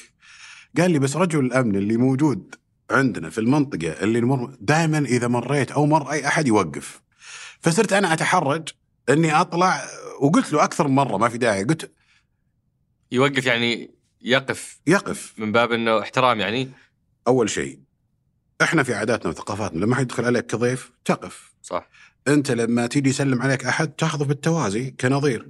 أنت لما تبغى تكون مرحب أنت لما تبغى تكون مستعد لأي خطر تقف. فلما فهموا الزملاء في الميدان فلسفة الوقوف اكتسبوا القوة من سلوكهم. وقبل لا إحنا نبدأ قلنا لهم ترى الزي الرسمي يعتبر أول قوة لك. لأنه لو جاء واحد بثوبه تصرف تصرف معين يقول له أنت بأي صفة. بالزي الرسمي راح يقول له أنا رجل أمن أنا مسؤول وهذا واضح. ولكن هنالك جانب آخر إنه طول ما أنت لابس الزي هذا يجب أن تمثله بشكل جيد. هذا مثال موضوع الفنادق وش في غير أمثلة؟ آه عندك الآن مع المشاريع ال ال ال السياحية اللي حاصلة حصل في آه طلب وهذا كان في السابق لا يستطيع يعني الجهات تقدمه. حصل في طلب قالوا أنتم تقدمون الخدمة لنا. مبسوطين إحنا من الخدمه ولكن إحنا نبغى tailor-made service أو خدمة مصممة لنا بشكل خاص. تستطيعون تستطيعون؟ تساعدون؟ يعني كان عندك مشروع ترفيهي على البحر آه، يحتاج إنه رجل الامن يكون مدرب على إنه يعرف يتعامل مع الحوادث البحرية ويعرف يتعامل مع المناسبة لأنه هي كانت زي ال league أو الدوري. ويعرف يتعامل مع ال VIP في مناطق ال- ال- الساحلية. الساحلية. تقدرون تساعدونا؟ نساعدهم. إيش تبون؟ قال والله إحنا ما ندري قلت طيب. هذه استشارة. تفضلوا. هذا ال- الستاندردز العالمي تقول لك بالشكل هذا أنت تعمل أماكن ساحلية بالشكل هذا بالشكل هذا تم تصميم ال- الحقيبة التدريبية. بعد كذا انتقلنا راحوا راجعوها قالوا نبغى نعدل هنا نضبط هنا رجعت. نبغى نطبقها. كيف نطبقها؟ ما في معاهد رحنا إحنا وكان جزء ترى من ال- الدورة تدريب على السباحة وجزء من الدورة تدريب على الدفاع عن النفس وتم توفير هذا كلها للعميل آه، ك tailor-made services. تتكلم على آه، مناطق ثقافية لا يوجد حولها أحد. إحنا نغطي المناطق هذه من خلال أنا والله تعرفت على المملكة من خلال انتشار زملائي في الميدان وصراحة يعني آه، يعتبر تحدي الحاصل. آه، دخلت موقعكم ما شفت قائمة عملائكم. ليش مخبينهم؟ والله مو مخبينهم. إحنا يعني جزء من ال ال العمل إنه يكون عرض عملائنا خلال اجتماعات آه، رسمية. كعمل يعني بعض الأحيان يجب إنه آه، يعني لو بطلب العملاء لأنه أنتم خلاص زيكم معروف حشوفه أنا موجود يعني. حقيقه أكون صادق معك. أنا صريح. ما أي. هل يوجد سبب يا أبو شاير؟ في بعض الفيديوهات بس الموقع الرسمي ما في ما في عملائكم طب تقدر تقول عن عملائك تقدر تقول منهم عملائك آه، ممكن نعطي شريحة من عطنا أمثلة. يعني نتكلم على عملائنا آه، وزارة الثقافة. نتكلم على آه، أنا قاعد أنا أنا قاعد أحاول أتجنب ال- اللي تف... اللي اللي, اللي تغ... من مغزى السؤال. لكن خلينا نكون صريحين. اي آه، العملاء آه، العلا يعني عندنا وزارة الثقافة عندنا العلا عندنا المركز المالي عندنا نيوم عندنا أنا جيتك على أساس بترد علي بعد شوية عندنا تحكم عندنا آم، طبعا أرامكو عندنا مركز البنك المركزي عندنا اس تي سي عندنا آه، النقل المؤتمن البنوك بنك آه، بعض البنوك برضو موجودة عندنا. خليني أعطيك بس كذا بشكل سريع ال icons projects في بدايات الشركة كان ال G20 كمناسبة وكان آه، في منطقة نائية. ما كان عندنا enough resources ولطلب ال resource الموارد بشكل سريع الفريق التنفيذي هو اللي وصل ال- الموارد. على في منطقة. هذه في الغربية. أيوه منطقة نائيه تبعد أكثر أنت الظاهر بواحد كنت واحد من اللي ساقوا صح؟ لأن جتني رسالة قال لي الرئيس خذ السيارة. أنا قلت. الفريق التنفيذي. هو أنا ما كنت يعني شوف والله أنا ما أحب إنه أقول إنه أنا أنا هو صحيح هو هذا اللي حصل إنه أنا يعني قلت إيش يحتاجون الشباب هناك؟ هي قصة مؤثرة يعني حتى إيه. يعني قلت الشباب إيش يحتاجون؟ إيش اللي متعطل؟ فقالوا والله السيارات. وأنا شفت يعني ان الموضوع أخذ أكثر من قلت أنا بروح الآن الموقع والله ما كان عندي يعني ال- ال- ال- الخطة بالشكل هذا ولكن وصلت الموقع السيارات جاهزة كم حياخذ وقت؟ قالوا بندور أحد يوصل أو شيء زي كذا قلت طيب خلني أجرب السيارة طبعا هو خليني أجرب السيارة كان معي واحد من الزملاء الله يذكره بالخير الأخ محمد عسيري فمشينا قال لي وين رايح؟ قلت أبد بنمشي بنروح بس أشوف السيارة أخذ استهلاك البنزين أو شيء زي كذا شوية عدينا القصيم عدينا قال سلمان وين رايحين؟ قلت والله الدوريات توصل اليوم توصل توصل وصلنا لل, لل... للموقع. انصدم مدير الحلول الأمنية. هو كان موجود في الموقع هو اللي كان منزعج من عدم الوصول. فما كان عندكم مشكلة انكم توصلون السيارات الأسطول للموقع. لل- الأسطول اللي في شمال السعودية. أيوه أيوه. فانصدم هو من ال... ال- قال لي أنت جايب نفسك؟ طيب قلت والله اليوم توصل. طيب خلاص قال لي راح ارتاح. وبعدين قلت أنا ما راح أترك الموقع إلين ما أشوفها توصل. وبعدين بكرة راح يبدأ الحدث. فراح واختصر الطريق. من ضمن المشاريع اللي شفناها برضو وهذه ما فهمتها صراحة فيديو لكم أو لبعض منسوبيكم في قطر كأس العالم. امم وش علاقتكم في كأس العالم؟ نرجع للمشاريع الأيقونية. فقلنا إحنا G20 وبعدين نتكلم على الاس تي سي شركة اتصالات السعودية هذا المشروع في 2021 طبعا يكون معك شريك زي الاتصالات السعودية ممن يهتم بموظفي القطاع كان. إضافة جدا كبيرة وساعدتنا كثير على النجاح. السنة اللي بعدها 2022 كانت كأس العالم في قطر. وكأس العالم في قطر كانت القصة يعني كنا في الطيارة راجعين من جدة ومجهدين وزي كذا وأنا قلت للشباب جهزوا انفسكم لقطر والله ما كان في أي فهم الشباب يعني بحكم إني يعني آه، أعلى منصب شفت في عيونهم كذا إن شاء الله أبشر إيه. يعني تسليك إن شاء الله أيوه آه قبل البطولة بثلاثة أسابيع إخواننا في قطر فتحوا المجال للتعاون والمساهمة في إنجاح آه دورة ناجحة أنا اعتبرها قبل أن تحصل الجهود اللي شفتها يعني جدا كبيرة. إحنا والله كان لنا الشرف إنه إحنا ساهمنا في البطولة. خلال أقل من ثلاث أسابيع تم شلون هي طرحت كمناقصات ولا كمشاريع ولا هي فزعة بدون مقابل ولا لا؟ هو طرح كمشروع إنه كان هنالك حاجة لعدد معين في مواقع معينة وتم تصنيف المواقع كل قطاع من الدول اللي جاية لها تقوم بأداء عمل ولكن القطاع الخاص كانت سيف تلعب فيه دور كبير وطلب أكثر من ألف موظف. طبعا الطلب ألف موظف لازم تسوي لك recipe أو تسوي لك آه، خلطة. خلطة بحيث إنه يكون في خبراء برضو في العملية، طلبوا الخبراء أعطيناهم subject matter expert شافوا الموضوع هذا أتيحت لنا فرصة. تم نقل موظفين بطائرات خاصة على المنافذ. نقلتوا ألف موظف. أغلب الموظفين اللي كان هنالك تحدي في الوقت تم نقلهم بطائرات خاصة إلى ال- إلى المنفذ. آه، تم توجه الموظفين إلى ال- إلى المواقع آه، ساهمت لجنة المشاريع والإرث كثير في تسهيل ال- الأمور بحكم إنه الفترة كانت قصيرة. تم توفير ال- الخدمة آه، للمواقع المستهدفة. الجميل في الموضوع يعني كان في قصص يعني تكلمنا مثلا عن اللوجيستكس الوجبات الغذائية. لما كنا نطلب للموظفين كانوا نفس اللي يزودون بالوجبات يقول ما يصدق. يقول في تاريخ المطعم كله ما انطلبت الكمية دي تيجي تستلمها. ما ما هذه جزء من الموضوع. إحنا برضو في ال logistics بعض الزملاء يشتغلوا في مواقع الأخوان القطريين رفضوا إنه إحنا نوفر ال logistics. هذا واحد ما- هذولا إحنا نبغى نساهم يعني كان في تلاحم جدا كبير في الموضوع.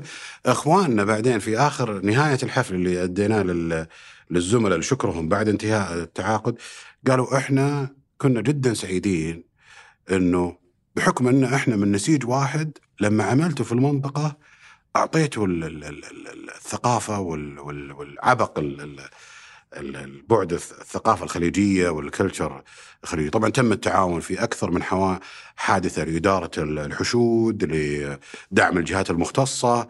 آه، جزء من التطوير اللي حصل في سيف المظهر رجل الأمن آه، أحد الشركات اللي مارست عملها بالزي آه، شركة سيف. هذا لما أقول لك تم بناء هوية إعادة تجديد. آه تقصد إنهم مارسوا عملهم في قطر بالزي بالزي. حق شركة سيف إيه. ما, لبسوا زي آخر. لاقى استحسانهم لأنه أوكي. انت أنت لما تؤدي عمل بشكل جيد آه هذا النتيجة. فهذه آه وكان هذه اتفاقية آه، تجارية بحتة. تجارية بحتة. بمقابل مادي بمقابل مجدي. حقيقة يعني يكفي الإضافة لهوية سيف إنها كانت من ضمن الجهات المشاركة. طب هل هذا حمسكم تشت- تشتغلون في في دول أخرى؟ إحنا نعمل الآن في البحرين وتم فتح مكتب في الإمارات وعما قريب إن شاء الله بنكون في قارة مختلفة. في قارة مختلفة أفريقيا. شمال أفريقيا ممكن إن شاء الله. آه ما شاء الله. آه ما دام نتكلم عن عن المستقبل آه شفنا واحدة من آخر أخباركم استحوذتوا على وحدة إدارة الأموال في شركة أبانا. يا سلام. هذا أول استحواذ لكم صح؟ أول استحواذ. وش قصته؟ يعني ليش هذا الاستحواذ؟ آه، على عكس انشطتكم الاخرى اللي كانت تنشأ من داخل الشركة وتؤسس من الصفر. طبعا إحنا قلنا 2021 إس تي سي 2022 بطولة قطر 2023 استحواذنا على آه، قطاع أعمال الخدمات النقل المؤتمن في أبانا. فتم الاستحواذ على القطاع هذا القطاع هذا مكن الحمد لله من penetration بنسبة 30% اختراق. من, من أو اختراق بنسبة 30% من آه، الحصة السوقية المستهدف هو تغيير نموذج العمل فإحنا كان الهدف إنه إحنا نحصل على ال- ما يمكننا لتغيير نموذج العمل. تغيير نموذج العمل هو بعمل تكامل متقدم وتكامل متأخر والمقصود في forward integration back يعني أنا أبغى أقدم خدمات إضافية غير خدمه النقل المؤتمن. كلام معقد أبو سلمان ما فهمت هو بسط لي الخدمة استحوذت عليهم ليش؟ لأنك أنت تبغى تقدم الخدمة هذه أبغى أغير نموذج العمل شلون؟ يعني وش نموذج العمل الحالي وش نموذج العمل اللي تبغاه؟ نموذج العمل الحالي مبني على نقل أموال. في توجه آه، من قبل المشرع آه، إنه يكون هنالك آه، مركز خلينا مالتي بانك مركز آه، نقد متعدد الخدمة. أوكي يعني يخدم أكثر من بنك، هو حاليا يقدم خدمة لأحد. فلا بد يكون في آه، ذراع تشغيلي في القطاع الخاص يشتغل على الموضوع هذا. طبعا الاستثمار في الفكرة هذه راح يولد لك برضو عملية service base أو عملية اتفاقية الخدمة بدل ما إنه البنك ممكن يحصل على ال- ال- ال machine أنت أو ال- ال- الماكينة ممكن إنك أنت تساهم طبعا هو هنا ندخل في ال recipe المستقبلية اللي إحنا نفضل إنه يراها ال- ال- العاملين في القطاع أكثر من إنه نتحدث عنه. و- وفي كان كلام على إنه كان في محاولات من داخل سيف لهذا القطاع ولم تنجح ما قدر إنه يخترق ويكسب عملاء فلجأ إلى الاستحواذ. كان في محاولات غير ناجحة لقطاع إدارة الأموال أو نقل الأموال بالعكس كان هنالك دعم كبير والدعم موجود بس هل اخذت عقود؟ لا لا كان في دعم من المشرع لأنه إيه؟ كان في تأني أنا بقدم خدمة إذا بقدم نفس الخدمة أعتقد إنه يجب اعاده النظر في الموضوع لكن التأني اللي حاصل لأنه إحنا رحنا شفنا السوق درسنا كيف نبي ندخل في السوق إيش أفضل طريقة للدخول في السوق طبعا أنا لو دخلت بشكل ابتدائي مثل ما تفضلت أنت الزيادة هذه 30 ترى في النهايه راح تحصل راح تحصل اللهم إني أنا آه، كان عندي نمو ولكن دون توجه لكن أنا أخذت ال 30% عن طريق الاستحواذ والآن بإذن الكريم راح أكون جاهز لعملية تغيير النموذج والآثار إن شاء الله يعني ممكن تشوفونها قريبا لأن إحنا اللي قاعدين نقوله نموذج العمل بإذن الكريم سنحاول في القطاع الخاص تعزيز دوره من غير آه، من خلال آه، تغيير نموذج العمل. في قطاع حماية كبار الشخصيات. آه يبدو إنه م- موجود كمسمى بس مو فعال. هذا أكبر دليل فعال. شلون؟ آه انت انت تبغانا كذا سري؟ طيب هو هي حماية شخصيات أروح أنا أعرض أسماء الناس اللي آه، تم توفير الحماية لهم لا بالعكس ال- ال- ال- الخدمة متقدم ويوجد آه، سيارات مصفحة ويعني الخدمة قائمة. كم كم كبير شخصية تح- تحرسونه؟ هي طبعا خدمات حماية الشخصيات نوعين، في نوع دائم وفي نوع مؤقت. في الغالب تكون مؤقتة. مؤقتة مربوطة بوجوده في مكان معين في لحظة معينة. نعم. okay وهذه عادة الارتباط مع مع التعاقد مع الشخص فهي B2C ولا هي B2B أو B2G مع جهة تبغى تحرس قياداتها. يعتمد لأنه آه، ما نبغى نعطي طابع آه، يعني شوي آه، له أبعاد أخرى، لا نتكلم مثلا شخصية مشهورة. فهو ممكن الشخصية المشهورة هذه يكون عنده شركة تدير فهذا B2B وممكن يكون تعاقد مباشر. الشخص نفسه يقول أنا اي لأنه برضه هو بعض الأحيان ينظر في الموضوع إنه ما أبغى أحد يعرف آه، أنا وين رايح أنا وين أي. جاي إيش الخطة. هذه المعلومات ترى جدا مهمة تعلمك إيش اللي يحصل. أوه. أنا أنا أتذكر شفت في مركز التحكم لما زرتكم وروني في الخريطة آه، انتشار آه، حراس كبار الشخصيات حتى خارج السعودية في أماكن كثيرة. صحيح. فالخدمة هذه تقدمونها حتى خارج إي من من خلال هو عبارة عن من خلال شركاء لهم platforms على ال risk اللي حاصل في العالم. امم يصل ال- ال- ال- ال- التحليل إلى إنه ممكن يقول لك ترى الآن في حادث حاليا حاصل في الخط هذا استخدم خط, خط آخر. ثاني. أوه لهذا المستوى. إي نعم. آه، يعني هذا يمكن ملخص جيد لأغلب أعمالكم وال- والفرق اللي تبغون تحدثونه في في آه، في القطاع. بس أتوقع نقدر نختم قبل ما نروح لأسئلة أصدقاء ال- البرنامج ب إلى وين رايحين؟ وش اهدافكم في في 2030 الهدف في 2030 إنه إحنا نكون ممكن لخلق مسارات جديدة والارتقاء بهذا القطاع. هنالك تحول حاصل. وإذا ركزنا القطاع التحول حاصل الانتقال من الاعتماد على العنصر البشري إلى التقني إلى ال intelligence الذكاء. أنا ما أبغى أقول AI، أنا أبغى أقول business intelligence.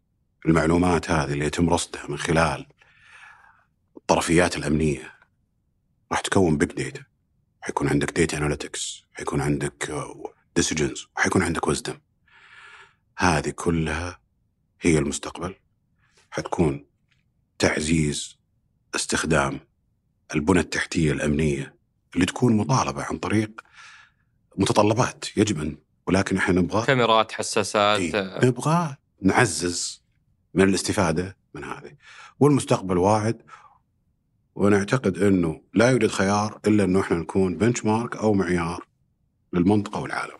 أه حبدا باسئله من مجموعة من الأصدقاء أه أولها وش تشجع؟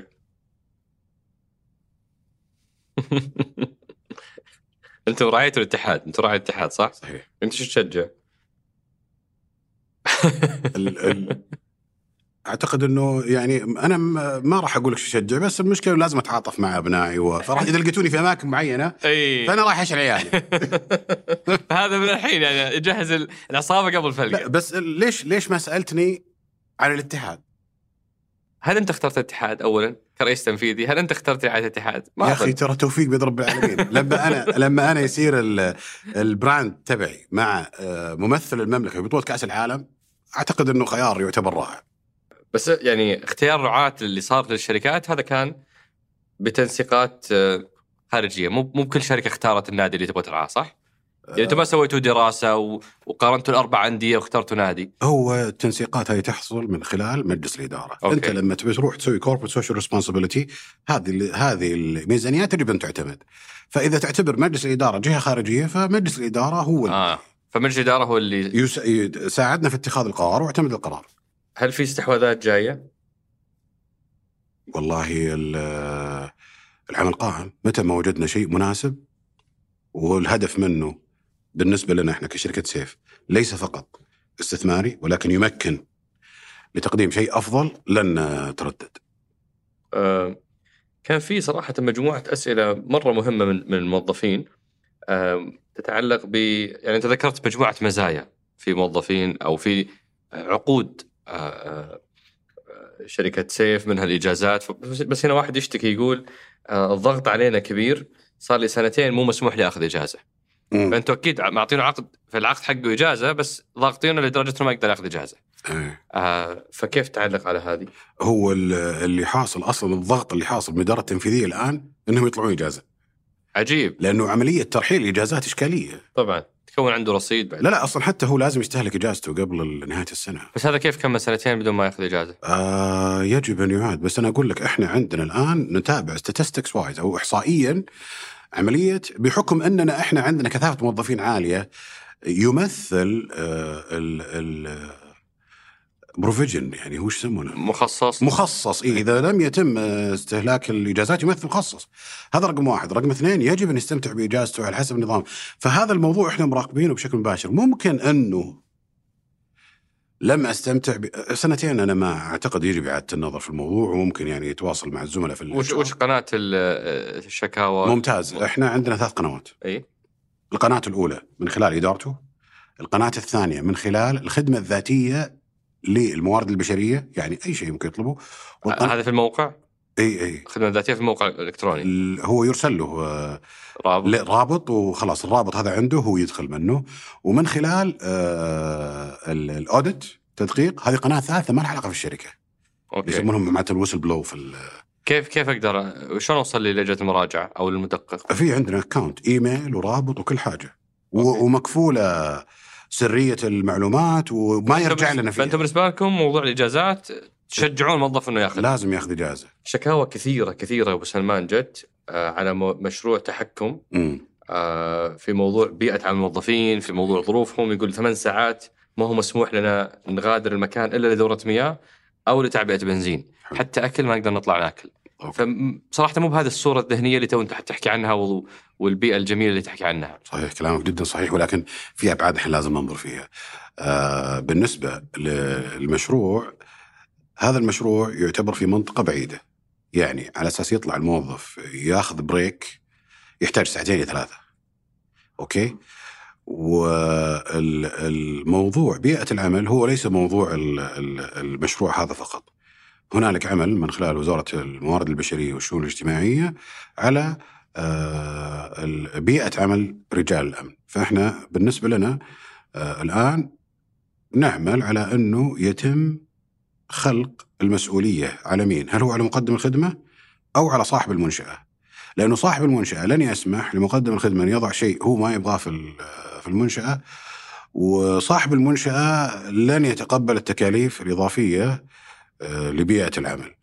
هذا الموضوع نعمل فيه الآن من خلال ال- وزارة ده بس أنا ببسطها هذا قاعد ثمان ساعات يبي ياكل إيه. صحيح. شلون ياكل؟ هو ترى لا هم منشأة ولا صاحب مو... يعني لا هو الجواب لأنه ما في مكان قريب جنبه هو. آه فهو في هو تعرف ال- الموضوع هو عبارة عن خطوط الطويلة للسفر. فهذول اللي المفترض إنهم يحرسون كاميرات ساهل اللي في الطرق السريعة. يا سلام عليك. وي- ويكونون في مواقع ما فيها خدمات. صحيح ولكن أنت عندك الآن حتى في النظام هو اللي يحصل ترى تجي بالدورية بديلة للموضوعين اللي تفضلت فيه. بس ليش مو للأكل؟ لأن الأكل تستطيع إنك أنت تأخذ معه وهم يستاهلون. أي. ولكن طبيعة المشروع شوية فيها تحدي. أضف إلى ذلك إنه إحنا ترى جزء كبير من الموضوع حاولنا نوظف من أهل المنطقة. يعني حتى ما يكون قريب. أيوه أيوه يعني حتى بعد ما ينتهي العمل حقه يكون متواجد حول المنطقة هذه. فيعني هم يستاهلون ولكن طبيعة العمل في المشروع هذا آه، طبيعة عمل في الغالب تكون نائية. إذا كان هنالك حلول نستطيع تنفيذها بالعكس المرحب فيه. ولكن آه، عملية آه، مثل ما تفضل دورات المياه وال- والتعبئة البنزين ضروري أداء العمل يستطيع برضو إنه آه، سناكات خلال الفترة لأنه حتى يعني في أعرف إنه ليس بالظروف المشروع هذا.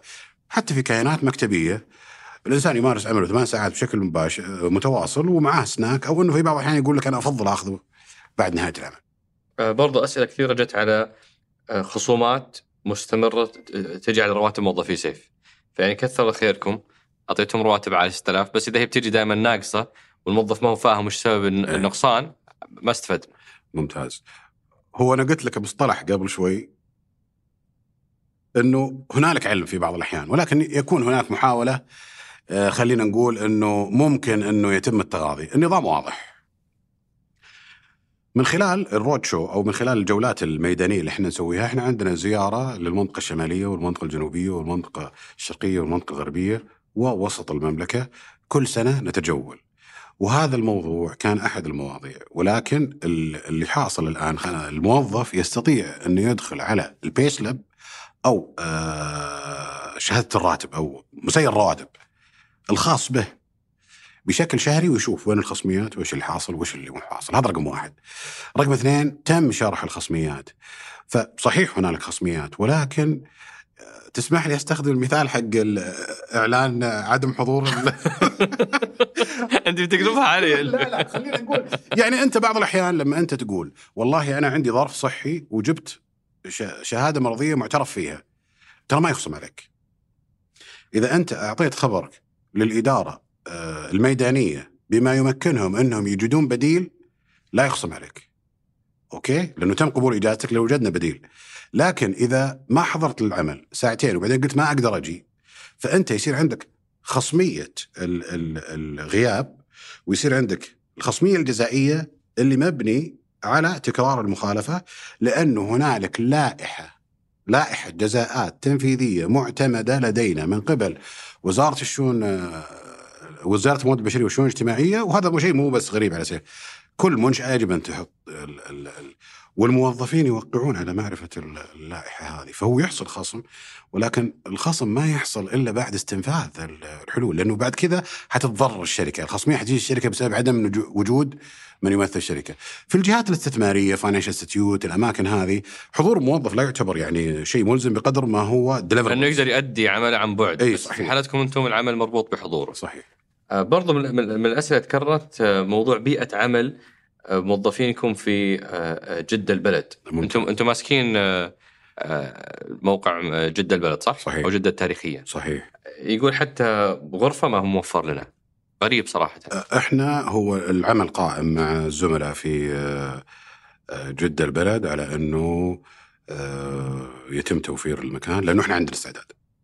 إحنا ما عندنا مشكلة وش اللي يعيقكم؟ اللي يعوقنا المنشأة ما هي تبعنا ما يسمح للموضوع هذا والنظام آه الآن عمل قائم مع وزارة آه الموارد والشؤون لتحديد المسؤول يعني إذا أنت بتقول مزود الخدمة طب إذا مزود الخدمة ما سمح له صاحب المنشأة في التعاقد بينكم وبين هذا العميل إي. مسؤولية توفير مكان آه، استراحة أو أو دوام الحارس الأمن إي. على مين؟ هذا اللي غير واضح حسب التشريعات الموجودة حاليا. okay. لأنه فيها لأنه حتى لو كان مقدم الخدمة مقدم الخدمة راح يحطها في تكاليفه اول ما يقدم العمل بس يجب أن يكون نظام موجود عشان يقبل العميل إنه يدفع أو إنه يكون ملزم العميل بتوفير مكان للموظفين. فهي العملية يستطيع أن يديرها ال- العميل مع المزود الخدمة إن وضع التشريع واضح. ويمكن اللي عقد الموضوع هنا برضو انه جده البلد من مواقع اليونسكو أعتقد. صحيح. فهذه برضو تحط ضوابط آه، إضافية. يعني ليش أقول لك كنت يعني ما أبغى أقول لك دبلوماسي بس كنت متحفظ؟ لأنه ترى حتى زملائنا في جده البلد يبغون يحافظون على هوية اليونسكو فيقول لك لازم يكون فيها material معين والكلام. فهو قاعد يدرس الموضوع الان هل هو يقدمها أو يسمح لنا نحن نقدمها؟ ولكن أرجع وأقول إحنا نتكلم على دور سيف في القطاع دور سيف في القطاع الآن نتخاطب مع المعنيين وال والجهات التشريعية إنه يجب توضيح الدور هذا للشركات الأخرى فقط برضه ما هو بس لسيف. آه، في في واحد يقول هل في أمل نشوف مخرجات شركة سيف تساهم في الضبط المروري لتحسين تجربة ال ال الناس اللي تعاني من مع المرور؟ مسألة قرار. مسألة قرار. الإمكانيات الموجودة التقنية موجودة الطاقة البشرية موجودة التشريعات موجودة متى ما رأى صاحب القرار إنه والله العمل مناسب بالشكل هذا. إحنا زي ما قلت لك إحنا محفز. ما نبغى والله يكون رغبة عند صاحب القرار يؤدي العمل هذا بس ما يلقى بديل ما يلقى شخص أو كيان يقدم الخدمة هذه. فكتقنيات موجودة. حتى الرصد من خلال الدوريات كسيف ممكن تقديمه الآن. آه هذا سؤال أتمنى يعني صراحتك تقدر تتعامل معه. يقول منافسكم الأكبر والأقدم في المملكة هو شركة المجال الخدمات الأمنية، أغلقت أبوابها. هل أنتم السبب؟ هل شركة المجال قفلت أبوابها أو أو خرجت من السوق؟ أعتقد لسبب تشريعي ما هو لسبب بسبب تشريعي. إي آه أوكي. ما هو ما هو بسبب سيف أو حاجة زي. برضو منافسينك يشتكون بيقولون كيف منافسة عادلة وهم الوحيدين اللي مسموح لهم بحمل السلاح. أنتم الوحيدين اللي عندكم رخصة حمل سلاح موظفينكم؟ يعني أنا بعطيك أكبر دليل إيه أي شركة تعمل في النقل المؤتمن يجب أن تحمل سلاح سيف أو غير سيف غير النقل المؤتمن. غير النقل المؤتمن إذا اعتمدت وزارة الداخلية الموقع إنه يكون موقع حماية مسلح سيكون آه، متوفر لسيف وغير سيف بس في سؤال صريح لا غيركم غيركم إيه. هل هل في أحد غيركم عنده رخصة حمل سلاح؟ طيب هو لازم نكون إحنا دقيقين لأنه أي. الجهات ال- المختصة برضو لها رأي في الموضوع اي أنا أسأل سؤال الآن اليوم هل يوجد موقع تم اعتماده من الجهات المختصة تقدم فيه خدمة مسلحة؟ أنتم جاكم هالشيء؟ ما في آه أوكي أجل هذا قاعد يفترض فرضيه ما هي بدقيقه أيوة، ما في لكن ما- أرجع وأقول لك قادرين إحنا أوكي ولكن أقول لك طيب وش اللي يثبت ان القطاع قادر؟ خدمات نقل الأموال يحملون سلاح سواء في سيف أو خارج سيف. وش- وش فلسفتكم في توظيف في عدم توظيف كبار السن؟ آه هل لأنهم غير مناسبين ولا غير مرحب فيهم؟ وش الفكرة؟ بالعكس. يعني أعتقد إحنا قلنا ال average 29 ترى اللي اللي رفعه. إلى 29 ولا اي هو يقول ليش ما توظفون كبار سن؟ موجودين بالعكس. إذا لا إذا متوسط الأعمار عندهم 29 إيه معناته إيه إنه بس أنت الحين لما تتكلم على توظيف آه، كبار السن أنت تتكلم عليه كبار السن من حيث عدم قدرة سميته كبار سن ولا عمر؟ عمر. لأنه إذا هو عدم قدرة فالسبب واضح اللياقة. الطبية فهو ما تجاوز ال... أوكي. يعني حتى أقول لك فحص السموم بعض الأحيان ليس بالضرورة يكون سلبي يكون بسبب تعاطيه لبعض الأدوية. أوكي. أوكي يعني الإنسان عنده قدرة وبعدين انت ترجع تقول لك الشباب في ال- العمل الميداني يحتاج جاهزية جدا عالية تحمل الجلد وتحمل ال- الظروف البيئية وتحمل التعامل مع الجمهور. هل عندكم بدل خطر وبدل سلامة؟ هذا البدل يصرف للكيانات غير المتخصصة امنيا. يعني أنت لما تروح لكيان عمله مثلا صناعي وعنده إدارة أمن يصرف له بس إحنا عملنا آه، أمني بالكامل فالبدل مصروف آه، بشكل مباشر. أوكي. آه السؤال قبل الأخير موضوع ال ال البنات أو توظيف السيدات في في قطاع الأمن. هل هل شايفينه فرصة؟ هل أنتم شغالين فيه؟ هل في مجال؟ بالعكس ال ال ال السيدات والعنصر النسائي أعتقد كانوا منافس بشكل قوي ونجحنا من خلال أدائهم إنه نزيد حصتهم لدى عملائنا. آه، متواجدين معنا في الميدان ولكن ما يحد آه، الموضوع هذا النسب المتعارف عليها هنالك نمو في النسبة الحاجة الثانية بيئات العمل لما أنا أخلي إنسان يعمل في منطقة نائية في سيارة بالشكل هذا أنا ما عندي سيادة إذا هم عندهم رغبة ولكن أنا أحاول أبحث عن بيئة مناسبة. كم يمثلون كنسبة من من موظفينكم؟ أنا عندي النسب ولكن المشكلة أن النسب ترى تتغير صح. بشكل شهري. لا لا بالعكس يعني مو إيه. متوقع منك تكون حافظ كذا أرقام. 3% ميدانيا ولكن ترى في ال headquarter تعدينا المستهدف أوكي. بالنسبة لنا. آه في, سؤال هنا على وأحب أضيف إنه ترى أول دورة نسائية للوسائل البحث الحية تبدأ اليوم. أوكي.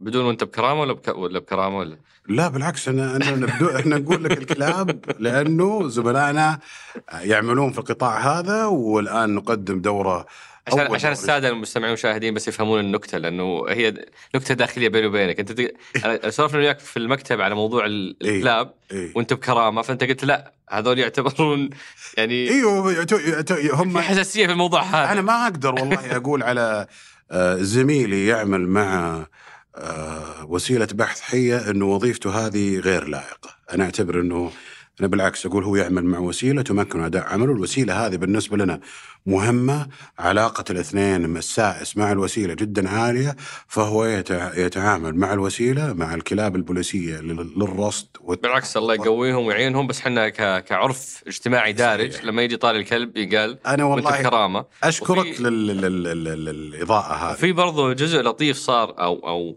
تفصيلة حلوة أو توثيق حلو لهذا الموضوع للي مهتم في برنامج سين. إيه. آه العام الماضي أعتقد كان في جزء من حلقة آه آه، صندوق الاستثمارات العامة كان في عن الوسائل الحية كيف يتم تدريبها وكيف آه، كفاءتها في ال في ال آه، في العملية الأمنية فاللي مهتم ممكن يشوف الحلقة صحيح ذكر فيها قطر والوسائل الحية وال control center تم ظهوره في آه، هل بنشوفكم في المطارات؟ اخذتوا أي عقد في المطارات؟ والله يا عمر أنت أنا ما أدري. شوف أنا هذه أسئلة الجمهور ترى الجمهور ما واصل. والله ما ظنيت إنه والله الجمهور واصل. في بعض المواضيع ما يشتغل عليها إلا عدد معين داخل الشركة. آه، شوف إحنا قلنا هنالك مشاريع أيقونية فقلنا STC في 2021 كأس العالم 2022 آه، استحواذ على أبانا 2023 2024 احتمال يكون إجابة على سؤالك. أوه أوكي. ننتظر ونشوف. آه أنا بختم ال ال ال الأسئلة أبو أبو سلمان ب آه يمكن نقول ملخص. إحنا حديثنا كان عفوي وتنقلنا من موضوع لموضوع بشكل آه آه، سلس و آه وغير مقيد. فودي لو أبغى ألم القصة وأقفل فيها الحلقة. باختصار وش هي سيف وليش جت للسوق؟ سيف هي ممكن لخلق مسارات جديدة وتغيير المنظومة بما يتناسب مع المستقبل. سيف سوف تقوم بخلق تكامل في الخدمات الأمنية. هنالك خدمات اليوم ما تعتبر أمنية ولكن في بعض القطاعات تعتبر أمنية. سيف سوف تكون ممكن للعاملين وش ومزودي الخدمة والمشرعين والقطاعات الأخرى. سيف تحقق تكامل اليوم أفقي. مكافحة حرائق إدارة مرافق أمن تكون تكامل آه، عمودي خدمات استشارية وسائل بحث حية والرحلة أنا أو أقول للزملاء القادم أجمل الرحلة في بدايتها ترى ثلاث سنوات تعتبر يعني آه، نحن لسه في البداية. عساك مع الله. شكرا لك أبو سلمان على قبول الدعوة. شكرا لك. شكرا لكم. شكرا لفهد القصير في إعداد وإنتاج الحلقة فؤاد الهتلان في الإخراج الإبداعي ياسر بن غانم في إدارة التصوير في الإضاءة إسماعيل شوقي في تسجيل الصوت عبد الرزاق المزي وفي التحرير أنس الخليل وفي الهندسة الصوتية عبد العزيز المزي وفي إدارة الإنتاج عبد المجيد عمر وفي الإشراف على الإنتاج رزان تهيثم شكرا للراعي الرسمي شركة صفاء هذا بودكاست سقراط أحد منتجات شركة ثمانية للنشر والتوزيع.